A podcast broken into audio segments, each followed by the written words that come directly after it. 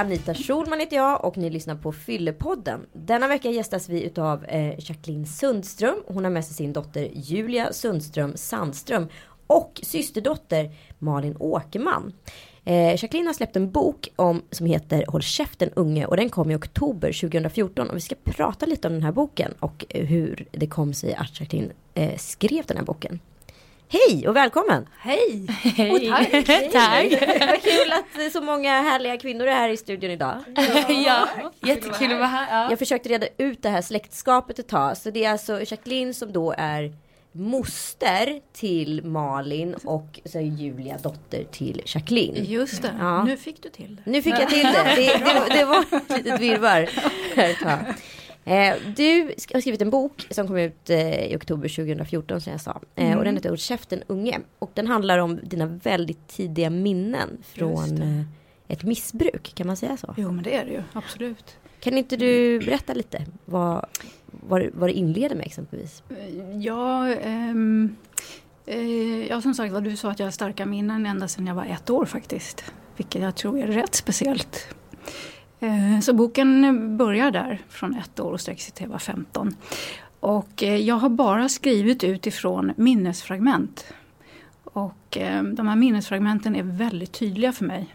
Och hur har du liksom kom, har de här minnesfragmenten bara kommit till dig eller har du liksom sökt dem eller gått till någon och fått hjälp att få fram dem?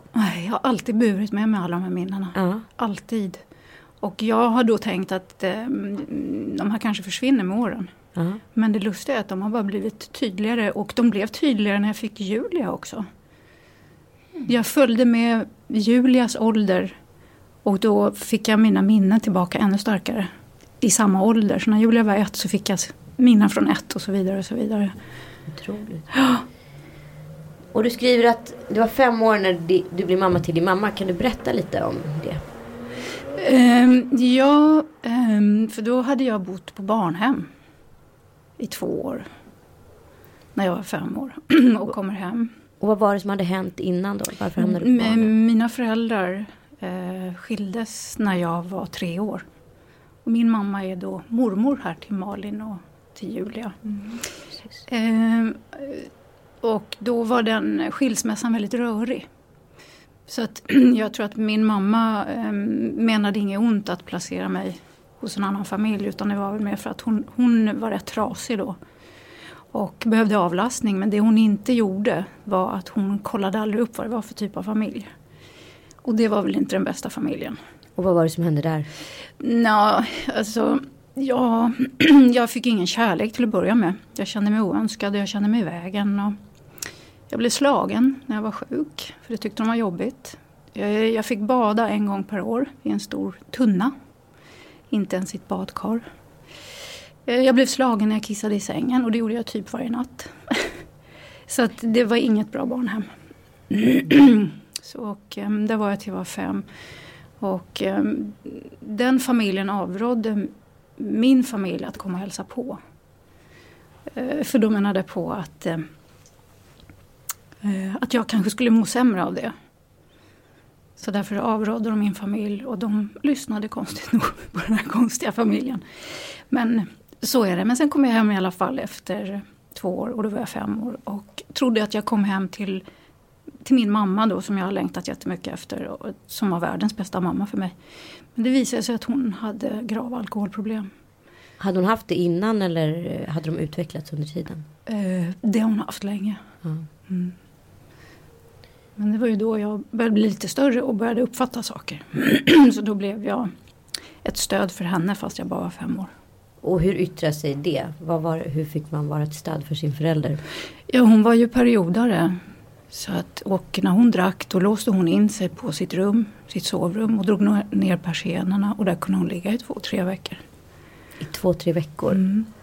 Så att jag hade en, en mina systrar bodde hemma så att hon gjorde ju det hon kunde. Men när hon inte var hemma så, så, så det är så barn gör. Man, man känner ett ansvar fast man är så liten.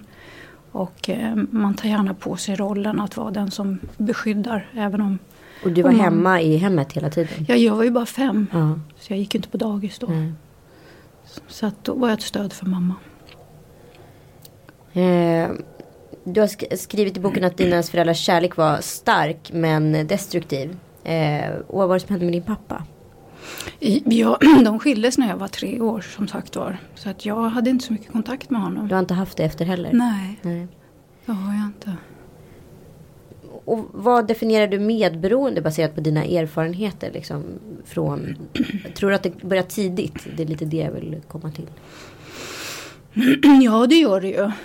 Ehm, jag definierar ordet medberoende så som att, att man, man som familjemedlem skyddar den som missbrukar. Därför att det är en sån stor skam.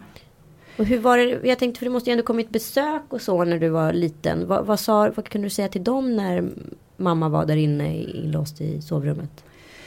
Mm, ja fast det, på den tiden då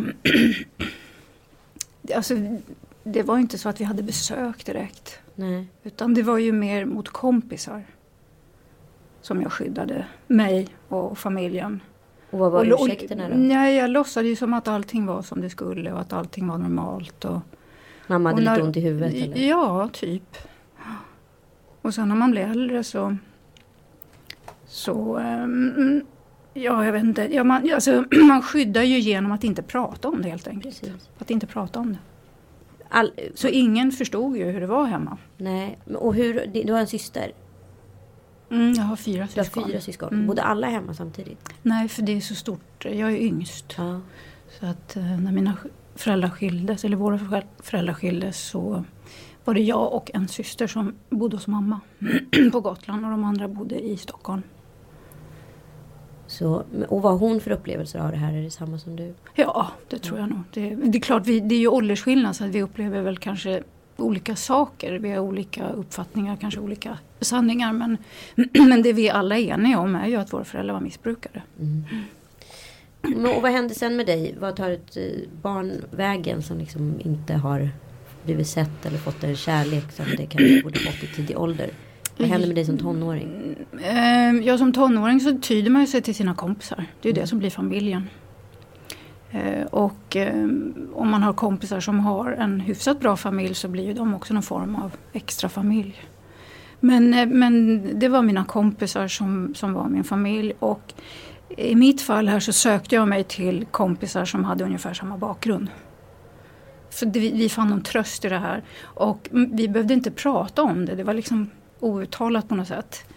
Vi behövde inte prata om det utan det var en tyst... Eh, man dras till varandra ändå? Ja, man dras till varandra. Eh, trasiga själar liksom. För vi förstod varandra och då behöver man inte förklara någonting heller. Eh, så så var det. Men det höll på att gå lite snett eller? Vad? Ja, det är som de säger. Barn gör som föräldrar gör. Barn mm. gör inte som man säger. Precis. Eh, och det jag lärde mig var ju att man löser problem genom att lägga sig ner och vilja ge upp. Jag fick ju aldrig lära mig hur man löser problem. Så att när jag mådde dåligt, och det gjorde jag ju i stort sett varje dag när jag var tonåring.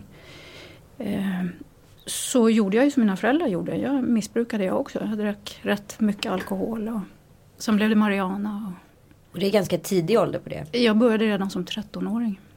Mm. Och sen sniffade jag tinner också. När jag tyckte att det tog för lång tid att och dricka. För det börjar med att man dricker lite grann och så blir man lätt påverkad men sen så vänjer sig kroppen. Och så vill man bara dricka mer och mer och mer. Och för att få snabb kick och snabbt rus så, så gick jag över till tinner sen också för det gick ju med en gång. Så att det höll på att gå riktigt illa, ja det gjorde det. Och vad var det som fick det att vända eller vad ska man kalla det för? Vad var det som hände? Eh, jag skolkade ju mycket då. Mm. Jag orkade inte med någonting i stort sett. Och um, jag, jag, var väldigt duktig i gymnastik och jag var väldigt duktig i teckning. Och, um, men, men jag gav upp det också och um, sen en dag när jag skolkade så skulle jag möta några kompisar för att vi skulle åka in till stan. Och då var det en lärare som såg mig, min teckningslärare, som såg mig. Att jag var i skolan då och frågade vad jag höll på med. Och i början var jag väldigt tuff. Men hur det var så tryckte hon på rätt knappar och fick mig till att börja gråta. Och berätta lite hur jag hade hemma. Och, eh, och då så sa hon så här att ehm, jag vet att du har talanger och jag vet att du har förmågor och eh, varför tar du inte tillvara på det? Och som det ser ut nu så kan jag bara ge dig en etta i teckning Men jag vet att du är värd en femma. Men om du vill ha den här femman så måste du jobba för den. Så sa hon att eh, om du går hem och gör alla uppgifter som dina kompisar skulle ha gjort på en termin. Om du gör alla uppgifter på två veckor och kommer tillbaka med det. Så får du din femma. Så det var det jag gjorde. Så det var två veckor som vände alltihopa egentligen? Ja, och då när jag kommer tillbaka till skolan så, så fick jag en kram av henne och hon sa det. Jag, jag visste det här, sa hon. Jag vet att du klarar det här. Och då fick jag ju med en gång mer självkänsla och självförtroende. Och jag insåg att jag hade en kapacitet som jag inte trodde att jag hade. Och då tänkte jag att kan jag fixa det här så kanske jag kan fixa de andra ämnena också. Så det vart som en inre utmaning. Alltså, jag tänkte jag ska nog visa dem att jag kan det här i alla fall. Så då hade jag ju tid på mig en termin här att plugga upp de andra ämnena också. Klarade du det? Ja. Jag gick ut nian med väldigt bra betyg så jag kunde välja gymnasium. Otroligt. Och hur ser din eh, relation ut till din mamma idag? Hon... Eh, min mamma lever inte idag. Nej, precis. Hon... Men hur såg den ut efter den här tonårsperioden? Ja, det var ju lite rörigt fram och tillbaka. Men vi har ju alltid haft en, en, en väldigt stark gemenskap ändå. För att när hon var nykter så var hon världens bästa mamma för mig. Mm. Hon var en fantastisk kvinna. Eh, hon har... Hon uppmanade till någon, dig till någonting när hon eh, höll på att gå bort? Ja, för hon var ju nykter eh, sina, jag tror, jag vet inte om det var 16 eller 20 åren där innan hon dog så var hon ju nykter alkoholist. Och eh, några, år innan hon, eller, ja, några år innan hon dog där så, så sa hon till mig att hon tyckte jag skulle skriva en bok. Och jag blev jätteförvånad för jag tänkte, jag har aldrig haft de tankarna. Att jag skulle göra det och att jag skulle kunna skriva en bok. Så att, eh, men efter, hon tjatade mycket i alla fall och så blev, blev jag lite irriterad på henne och så sa jag, men, men du säger jag ska skriva en bok, men vad ska jag skriva om då? Ja men skriv om ditt liv, sa hon. Och då blev jag ännu mer förvånad. Så sa jag, så att du tycker att jag ska skriva om det som jag försöker glömma? Ja, sa hon, det är precis vad jag tycker du ska göra. Mm. Så då började jag en resa som tog sex år. Så att jag började skriva boken innan hon dog. Hon fick vara med i början där och läsa. Och, och jag tror, vi pratade inte så mycket just om det ingående om boken och varför och hur och när och var. Men, jag, men jag, efteråt så här så tror jag att hon, hon gjorde det här för att be om ursäkt. Ja, det var hennes sätt. Ja, be om förlåtelse. Varför heter boken Håll käften Ugge? Indirekt så, så blir man ju tystad. Med mm. skam och skuld så blir man ju tystad indirekt. Och när man lever med missbrukare så tar de väldigt mycket plats. Och det är oftast bara de som får höras. Och de är inte intresserade av att höra någon annans röst. Så därför heter den Håll käften unge.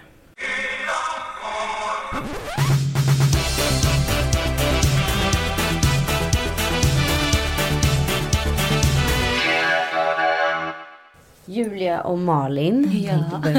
Komma, låt, släppa in er lite här. Vad, vad har ni för minne av mormor? Um, jag har väl bara bra minnen från mormor. Uh, hon var ju, jag har ju aldrig sett henne full eller hon var ju nykter när jag föddes, nykter alkoholist. Så jag har ju bara extremt härliga minnen från henne och hon kom till mig på dagis och fik och fikade. Och... Men visste du om den här andra sidan när du var liten eller kom det som en chock? Nej, det kom som en chock faktiskt. Eh, jag fick höra det, jag vet inte, jag kan ha varit nio, tio, något sånt där. Så började vi prata om det. Hon och du? Nej, jag och mamma. Mm. Och det kom upp massa saker och eh, det var helt, det var väldigt konstigt för mig att höra hur min fantastiska mormor har betett sig så mot min mamma. Um, och hur, det var, som, det var som en helt annan person. Så det var väldigt lustigt att få höra det och, och samtidigt så kunde jag inte vara arg på henne för att hon var helt fantastisk mot mig. Och, um, det, var, det var väldigt lustig upplevelse att få höra det. Men nu som när jag är äldre så kan jag ändå titta på det och se att det är ju samma person. Men att hon att hon hade ändrats och med mig så var hon bara ett bra stöd. Jag, har ju också, jag, jag var aldrig med när hon, när hon drack. Jag, var, jag fanns ju under den tiden. Eh, men men jag, jag, och jag och min mamma, vi, jag växte upp i Kanada. Så vi var bara här på, sommaren, på somrarna och på semester och så. så det är också, om det blir lite svengelska, det är därför. Jag har bott utomlands sedan jag var två år gammal. Ja. Men jag kommer, mina minnen av min mormor var också, hon, var, hon, var all, hon har alltid varit en väldigt bra mormor. Ehm, och jag undrar om det har lite med det att göra när man, om man har, ja vad säger man, om man, om man har chansen. förlorat chansen med sina egna barn så blir det nästan att man får en ny chans med barnbarn. Just det. Så det, känd, det kändes lite så när man väl vet hela storyn. Mm. Som sagt var när man tittar tillbaka så känns det lite som att hon var med där och bara, men jag kommer ihåg det att eh, jag tror det var nog ett år, sista gången jag såg henne. Mm. Eh, så sa hon, eh, hon grät lite och sa Malin, säg till att du aldrig att du aldrig eh, släpper loss i alkoholen typ kan man, säga, kan man säga. Eller att du aldrig kommer in i det här, att du aldrig låter alkoholen ta över. Och, eh, det var hennes liksom, råd till mig och, och grät för att och det, det satt verkligen eh, nära hjärtat på henne och man såg verkligen att hon menade det för att hon vet att det, det fanns i familjen, finns i familjen att, att det är viktigt. Så det var väldigt viktigt råd för henne innan hon dog. Mm. Och, Ja. och hur fick du reda på det? Du, du var, var Jo, med lite med, Ja längre precis, jag var ju med, jag visste ju inte så mycket om min mormor. Jag visste ju att min morfar, han dog ju när jag var sex, jag var sex år gammal. Mm. Och då fick jag lite uppfattning vad alkohol eh, missbruk betydde. Och inte när jag var sex men några år senare pratade vi om det. Och, och under alla åren så har jag ju hört olika eh, stories från moster och familjen. Och du vet, man, man, man lär känna sin familj lite bättre och bättre när man växer upp. Mm. Ehm, så det är klart jag har hört massa olika scenario. Heter det så? Mm, ja. Ehm, från olika medlemmar i familjen och så. Så man, så man har en, en annan bild av sina, sin mormor och morfar och, och förstår. Jag tror det är viktigt att man vet vart man kommer ifrån också. För det är ju, al, alkoholen är ju en, en grej, alkoholism Mm. är någonting som man kan ge genom generationer. Ja, det går i generna. Det går i generna, Så det var man- därför mormor var noga med att berätta det. Precis. Indirekt liksom, att vi Mm. har det i generna. Att vi Och ska... sen så också att hon ser väl hur pass mycket det förstör, eller förstörde hennes Ja, liv. Och Exakt. relationer Precis. till sina barn och familj. Och Ja. Mm. Och inte att- äktenskap. Ja. Mm. Och vad, hur påverkar det, det er? Har ni liksom tagit, kan man ta ett råd och praktisera det? Alltså förstår du, det är en sak att ta in det och det är Ja. en annan sak att göra det. Jo, men jag tror verkligen att eftersom jag har ju vetat att det finns i våran familj. Mm. d- under tonåren och så i början på 20-årsåldern så är man, man är ute med sina kompisar, man festar, man håller på. Jag tror de, de flesta gör ju det. Tror jag. jag gjorde det i alla fall. Man måste prova. man måste ju prova lite. Ja. Så då tar man bara in det som, det här är jag, jag festar, jag har lite kul på helgerna med mina kompisar och medan man går i skolan och så. Men sen när jag väl, jag, jag kommer ihåg att det var en dag när jag kom till Los Angeles, när jag hade precis flyttat ut, då var jag 24 år gammal. Och eh, kom jag till Los Angeles och eh, hade börjat ett band med eh, tre killar. Och då satt vi vid middagsbordet och de tog fram en, en flaska vin och hällde ett glas ett glas var och satt på korken på flaskan. Och jag fick lite panik. Jag bara, men gud, jag vill, gud, jag vill inte ha bara ett glas vin. Jag vill... Och när jag, när jag hörde mig själv tänka de här tankarna så tänkte jag, oj, nu var det dags. Mhm. Nu var det dags att tänka till. Hur ofta dricker jag? Varför dricker jag? Eh, är det nyttigt? Det, det, det, är liksom, det var då jag verkligen vaknade till kan jag säga. Jag växte upp. Eh, och kom ihåg att okej, det här det finns i familjen. Nu, nu har jag festat tillräckligt. Nu är det dags att, att växa upp och bara eh, fokusera eh, på jobb och verkligen börja mitt liv. Och det var, det var, det var verkligen en, en, den minuten jag, att, att rent fysiskt hela kroppen bara började svettas eftersom de satt korken på flaskan. Ah. Så tänkte jag oj, det här var inte normalt. Det här måste jag verkligen tänka på och ta itu med. Han du kommentera eller? Nej, jag sa ingenting då. En av killarna som var min, min, min närmaste kompis då sa jag till, berättade jag lite om, om familjehistorien då med våra mormor och morfar och bara sa det här är verkligen, jag vet att det går i generna och jag är inte, I'm not there men, men jag vill vara, om, om du ser någonting och bara tycker att det är lite för mycket eller lite för lite, kan inte du vara min kompis som säger till liksom du det här är inte normalt eller så vi var det åt varandra. Men det, det blev, jag hade ju gjort det beslutet själv att nu, nu tar jag vara på mig själv och eh, man liksom, you check in with yourself you step out and you look at yourself from the outside looking in. Och det var nya grejen att jag bara okej, okay, nej nu är det bara fest. Nu är det liksom, det här är kul, det är inga problem. Eh, bara inte bli liksom varje vecka, varje nej. dag. Varje, det, det, är det man måste ta vara på lite. Och jag tänker att Los Angeles är ganska svår stad på det sättet. Jag kom precis hem därifrån också. Mm. Eh, och det är ju väldigt mycket tillställningar hela tiden. Allt från så här barbecues mitt i mm. veckorna hemma hos familjer mm. till liksom mingel och party kvällarna mm. igenom om man vill. Mm. Hur, hur hanterar man det? Sådana um, förhållningsregler? Ja, alltså, eller jag kan bara tala från min egna erfarenhet men um, det här sista året så har det blivit väldigt mycket uh, ja, gå på någon tillställning eller något event där det kan vara bra personer, eh, nätverk att träffa och, och då är det alltid i samband med att det ska vara lite fest och det är alkohol inblandat såklart. Eh, för mig då har jag alltid, är lite varsam för att jag vill inte göra bort mig. Alltså det ska vara lite pinsamt att bli full inför människor som jag kanske vill jobba med eller som jag vill att det ska bli, ja men man vill ha ett bra intryck på. Um, så att jag passar mig nog ganska noga när det kommer till den, typ, den, typen av, den typen av tillställningar. Men jag kan tänka mig på ett sätt att det här kanske bara är rena spekulationer från min sida. Men att det är mer uttalat att så här, det finns en problematik eh, i USA. Att folk så här, är stolta anonyma alkoholister. Eller, Absolut. Eh, mm. Så att där är det okej okay att så här, tacka nej till ett glas vin för ja, att man är ja. det. Men i Sverige blir det lite märklig stämning. Ja, det blir om man, det. Om man säger okay. nej tack jag vill inte dricka. Jaha, oj oj oj. Ja, men det tycker jag inte man ska kommentera på då. Det, det får man ta in nya en ny, uh, nya kultur, I don't know, ja. like a, en, ja. a new stand on that. För det är verkligen, jag, jag gillar verkligen det med, med USA. Jag har jättemånga kompisar som är nykterist nykterist. Nykterister. Ja. Nykterister mm. Som inte dricker alls. Och det är, man ser ingen skillnad. Det är liksom en normal grej i USA. Mm. E speciellt i LA, de som har vuxit upp. Det är många som är eh, skådisar som har varit eh, barnskådisar då. Som växer upp i branschen och det ser man förstör lite. Det är för mycket för ett mm. barn tror jag att mm. hantera.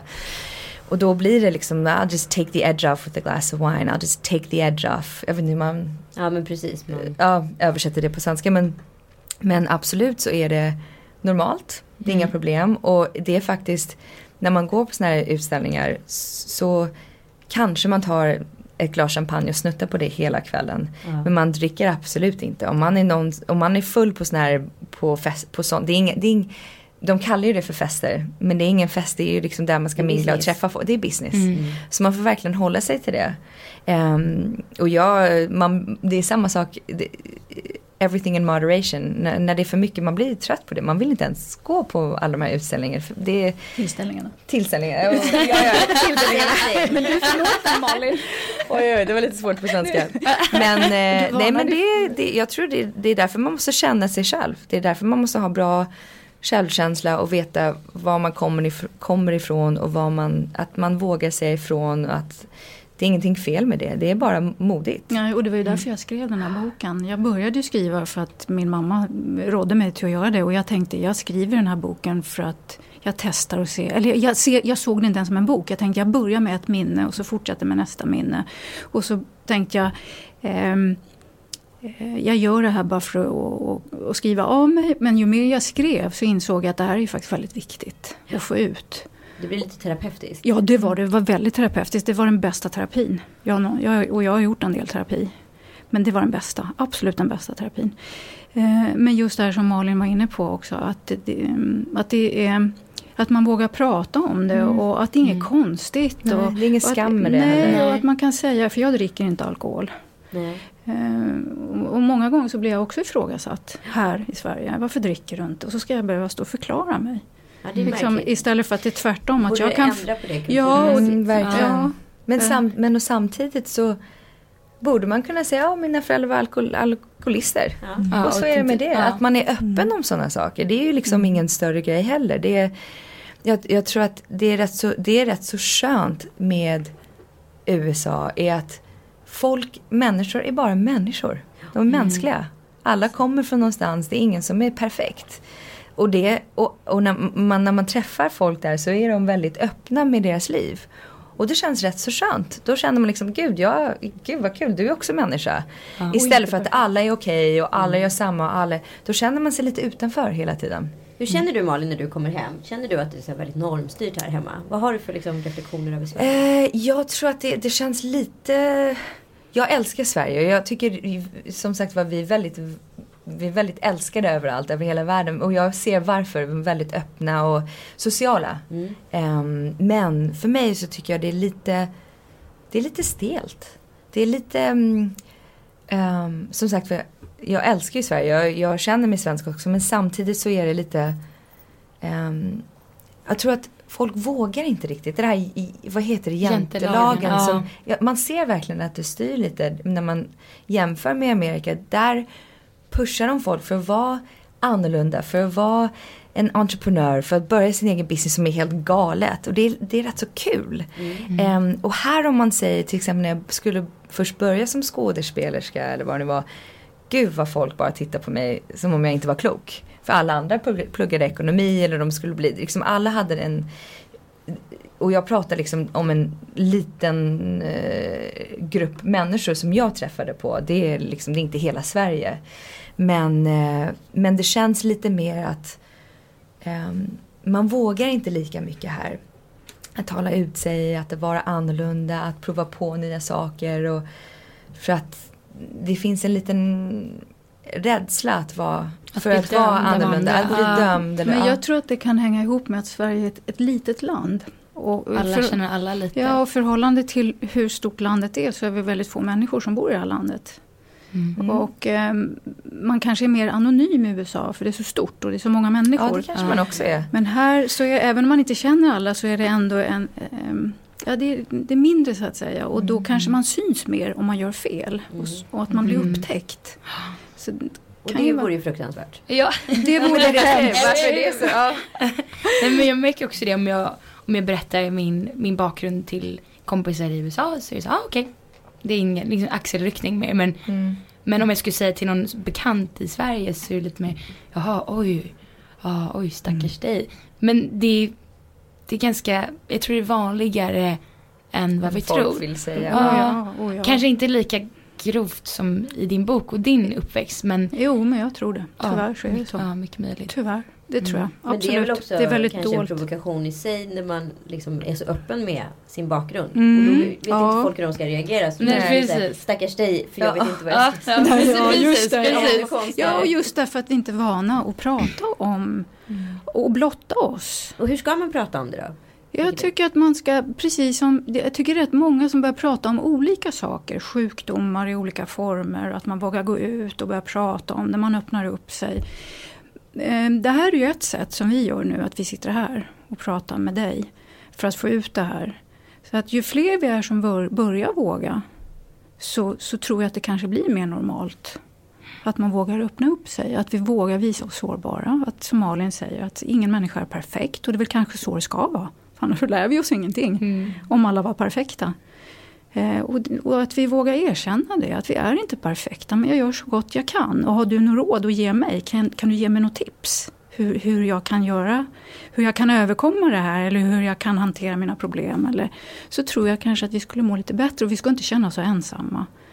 Jag tror att många är ensamma Mm. fast vi egentligen inte är det. För att så fort jag börjar nämna det här ämnet i och med att jag skriver boken så är det alltid någon som säger jo men jag känner någon som har och den släktingen där och min kompis och vet du min farfar. Och det, det är ju så vanligt det här så varför ska vi inte våga prata om det? Mm. Vad har ni för relation till alkohol? Ehm, ja, med tanke på att jag har hört sedan väldigt liten att vi har problem med alkohol i familjen och jag måste vara försiktig med det. Och, och jag kommer ihåg första gången när alkohol blev ja, men introducerat i, min, eh, i mitt liv var när mina kompisar började dricka alkohol, jag tror vi var 13. Um, ehm, och jag var i början väldigt, väldigt rädd för alkohol. För jag tyckte att det var, det var ju någonting som förändrade min mormor helt och hållet. Och det var läskigt. Så jag kommer ihåg första, första gången när jag provade lite så vågade jag inte dricka så mycket så jag låtsades vara full. för att passa in. för det var ju inte så coolt att inte dricka. Vilket också var lite tråkigt att det var, ah, det var de balla tjejerna och de balla killarna som drack alkohol. Och, och i den åldern när man är tonåring så allt jag ville vara var att vara godkänd och passa in och vara okej. Eh, men, men jag har alltid varit försiktig. Just för att jag vet vad vi har i släkten. Eh, det är inte så att jag inte dricker alkohol. För det har, blivit, det har blivit en sån himla vardagssak i alla, eller det är så himla accepterat på något sätt. Det är, man går på restaurang och det finns en vinlista. Och ja, men det, det är ju njutning ja, också. Precis. Det, det ska ja. man ju, man ska ju kunna njuta av livet och alla Ja. godsaker. Bara att man ska med vara, måtta. med måtta. Ja. Eh, Men, men jag, jag tror att jag har en, eh, eller vad jag känner själv, en ganska normal relation till alkohol. Och jag kan, jag kan veta att det är okej att till fest så kan man dricka alkohol men det behöver inte vara varje dag eller varje vecka. Mm. Men eh, det, det är klart, jag ser ju just också med tanke på, ehm, på vår familj så tittar jag lite extra och jag ser kompisar till mig som redan nu kanske har lite problem och, ehm, och det är ganska tråkigt, tråkigt att se att det är så pass ung ålder att man kan få problem med alkohol. För det förstör så mycket. Man blir trött dagen efter, man orkar inte göra någonting. Jag känner att min, min, min hud ser inte lika fräsch ut. Mm. Och, ehm, nej men jag, ty- jag tycker det tar, det tar liksom edgen, eller det tar liksom bort livsglädjen på något sätt. Dagen efter i alla fall. Ja, nästan ingenting. Ja, jag har ju, jag har också samma nu, det är med måtta. Det är verkligen, när jag jobbar så dricker jag inte under veckan. För jag vill ha min fokus, jag har många repliker att lära mig. Jag har mycket, det är mycket jobb och jag är mamma också så jag har mycket, mycket, a lot on my plate. Ehm, men då är det gott med ett glas vin på fredag kväll när man har jobbat riktigt hårt hela veckan och jag tycker det är jättehärligt och klart man går på fest ibland och har ett, ett glas för mycket och mår som du säger nästa dag. Men det händer inte så ofta. Det är liksom, jag har också ett bra koll på det eftersom jag vet var jag kommer ifrån. Ehm, men det är klart att jag, jag tror absolut att under mina tonårstid, min tonårstid att jag var väldigt destruktiv med alkoholen och, och missbrukade alkoholen och drack för mycket. Men jag vet inte om det är en tonårsgrej eller om det har med att göra med min Man familj. dricker tydligen mest mellan, vad är det, statistiskt då, 18 Ja. till 29 ungefär. Ja, precis. Mm. Så det är det jag tänker också. Men, men som sagt var, men jag tror det är viktigt att bara veta sin historia och veta liksom, och ha koll på det. Men, men allt med måtta för mig nu också. Det är, man får respektera alkoholen, verkligen. För det är, Ja, det är en det är ingen drog. lek. Det, det är en drog. Mm. Och när man pratar med bekanta så brukar vi säga det. Om alkoholen upptäcktes idag, undrar om den skulle vara laglig. Ja, Ja, verkligen. det kan man ju faktiskt fundera på ganska mycket. Ja. Eh, eh, Hur lär man sig repliker? Du som gör olika roller och... ja, det tar länge. Det finns det några trick? Lyssnar man på det i iPhonen eller hur? hur? Nej, eller jag, alla har säkert olika tricks men eh, ja, jag brukar sitta och ja, Nöta manus? Ja, det är, man, det är lättast när man läser med någon Ja. såklart. För det, för det mesta så är ju dialog. dialog. Så att om det, är, om det är bra skrivet så är det lätt att lära in sig eftersom det, eh, det är logiskt. Mm. It makes sense. Men om det inte är bra skrivet då är det ännu svårare att lära in sig. Men det är, man, det är en muskel som man, jag tror man, man ehm, Tränar upp. tränar upp. Tränar upp. Ja, precis. Julia, hur gör du? Du är precis nystartad i Hollywood kan man säga. Ja, jag har väl eh, börjat lite smått. Eh, jag har gjort lite saker det sista året. Jag har eh, gjort fyra olika projekt. Eh, filmer, independent filmer. Eh, vilket varit jättekul. Men för mig eh, så tror jag att ja, men det går. Jag har väldigt bra bildminne. Eh, jag har... Ja, ni är ju dyslektiker båda två ju. Ja, Är inte du det Malin också? Du, lite dyslektiker? Ja, lite dyslektiker. Ja. Och då får man bra minne. Ja, så att jag har ju lite dyslexi och så. Så att jag tror att jag kanske är överkompenserat med att då hade jag bildminne. Eh, men eh, nej, jag vet inte, det är, jag ser det framför mig på något sätt. Och läser jag igenom det några gånger och läser min kompis eller någonting så, så, så sitter det. Men sen så, det är klart, det blir inte ord för ord till pring, pick, prick. punkt prick. Ja, jag förstår vad jag menar. Det blir kanske inte Här kommer perfekt. dyslexin ut också när vi pratar. Språkdyslexi. Men det var ju det vi sa, ingen är ju perfekt. Nej, precis. Nej. Nej. Bara jag. Ja, Bara. Precis. Apropå det, när får man se dig i en svensk film?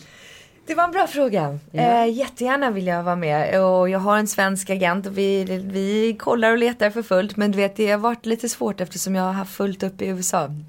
Svårt att hitta tid ibland men, eh, men det kommer. Men Det, är du här det, över somrarna? Eller? Jag brukar vara här över somrarna. Nu, eh, nu börjar jag eh, en tv-serie i USA som vi ska börja spela in nu juli, juli till december. Ja. Så det blir inte långa somrar i Sverige längre, tyvärr. Men förhoppningsvis snart så blir det en, det kommer vara en utmaning, göra en film på svenska. Men då Svenska repliker. Kan du lära dig replikerna innan? Ja, precis.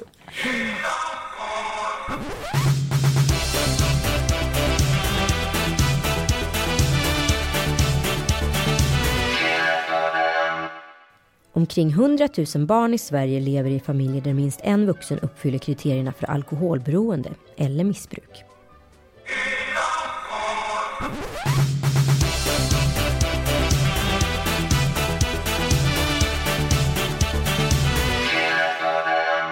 Ja men tack snälla för att ni kom hit och Julia dig får man se lite mer utav i höst har jag förstått. Eh, ja, eh, jag har lite olika projekt på G här nu. Jag har eh, faktiskt fått en, en tv-serie som vi ska börja spela in i både New York och LA efter sommaren. Gud vad kul. Ja, jättekul. Och sen, Vad eh, ska du spela för roll? eh, jag har faktiskt fått huvudrollen. Nej. Ja, jätteroligt. Eh, det är eh, baserat på eh, böcker som två jättestora Broadway-producenter har skrivit. Eh, och det handlar om ja, behind the scenes on Broadway. Och är, ja, alla konflikter och så, vad som händer där och väldigt, en väldigt mansdominerad värld och hur det är att vara kvinna och bryta sin... Är det svensk, svensk eller amerikansk? Nej, amerikansk Kul. produktion. Ja, jättekul. visste inte ens jag om. Nej. så det ska bli jättekul och sen eh, har vi, vi får se, det har varit mycket snack om det. Min, eh, min sångcoach, eh, jätteduktig sångcoach Anna Hultén. Vi ska göra en tv-grej för, för svensk tv i tanken och spela in det i Los Angeles. Så det ska vi spela in efter sommaren också. Så det kanske blir lite svensk Det tv är där full också. rulle hör jag. Ja. Och när kommer ditt eh, börja sändas och vad heter det? 2016 kommer det. Det heter 2016. Billions. Billions. Billions. Det kommer bli jättekul. Det är jätteduktiga skådisar som är med. Det är, Och vad gör du? vad sa du? Vil- vilken roll har du? Stark kvinna. Not, not to be messed with. Det här är faktiskt ehm, drama. Jag brukar göra komedi men nu har, har jag switchat lite till drama och eh, lite, lite riktiga roller vill jag säga. Så det, det ska bli jättekul med riktiga, en riktig teaterskådis som heter Damien Lewis. Som var med i Homeland. Aha. Mm, rödhåriga killen i Homeland är jätteduktig och Paul Giamatti. Som man har sett i nästan att han, de är gick, såna här heavy hitters. Så det ska bli hur kul som helst att vara med och vara en stark kvinna. Ja, men gud vad kul, det ser vi fram emot. Ja, Tack snälla ni för att ni kom hit och jag vill tacka IQ som gör det möjligt för oss att göra den här podden. Gå in Yes. på iq.se om du har några funderingar på dina egna alkoholvanor. Där finns nämligen alkoholprofilen. Får ni ha en fortsatt skön sommar. Tack ska du ha. Tack så Detsamma. mycket.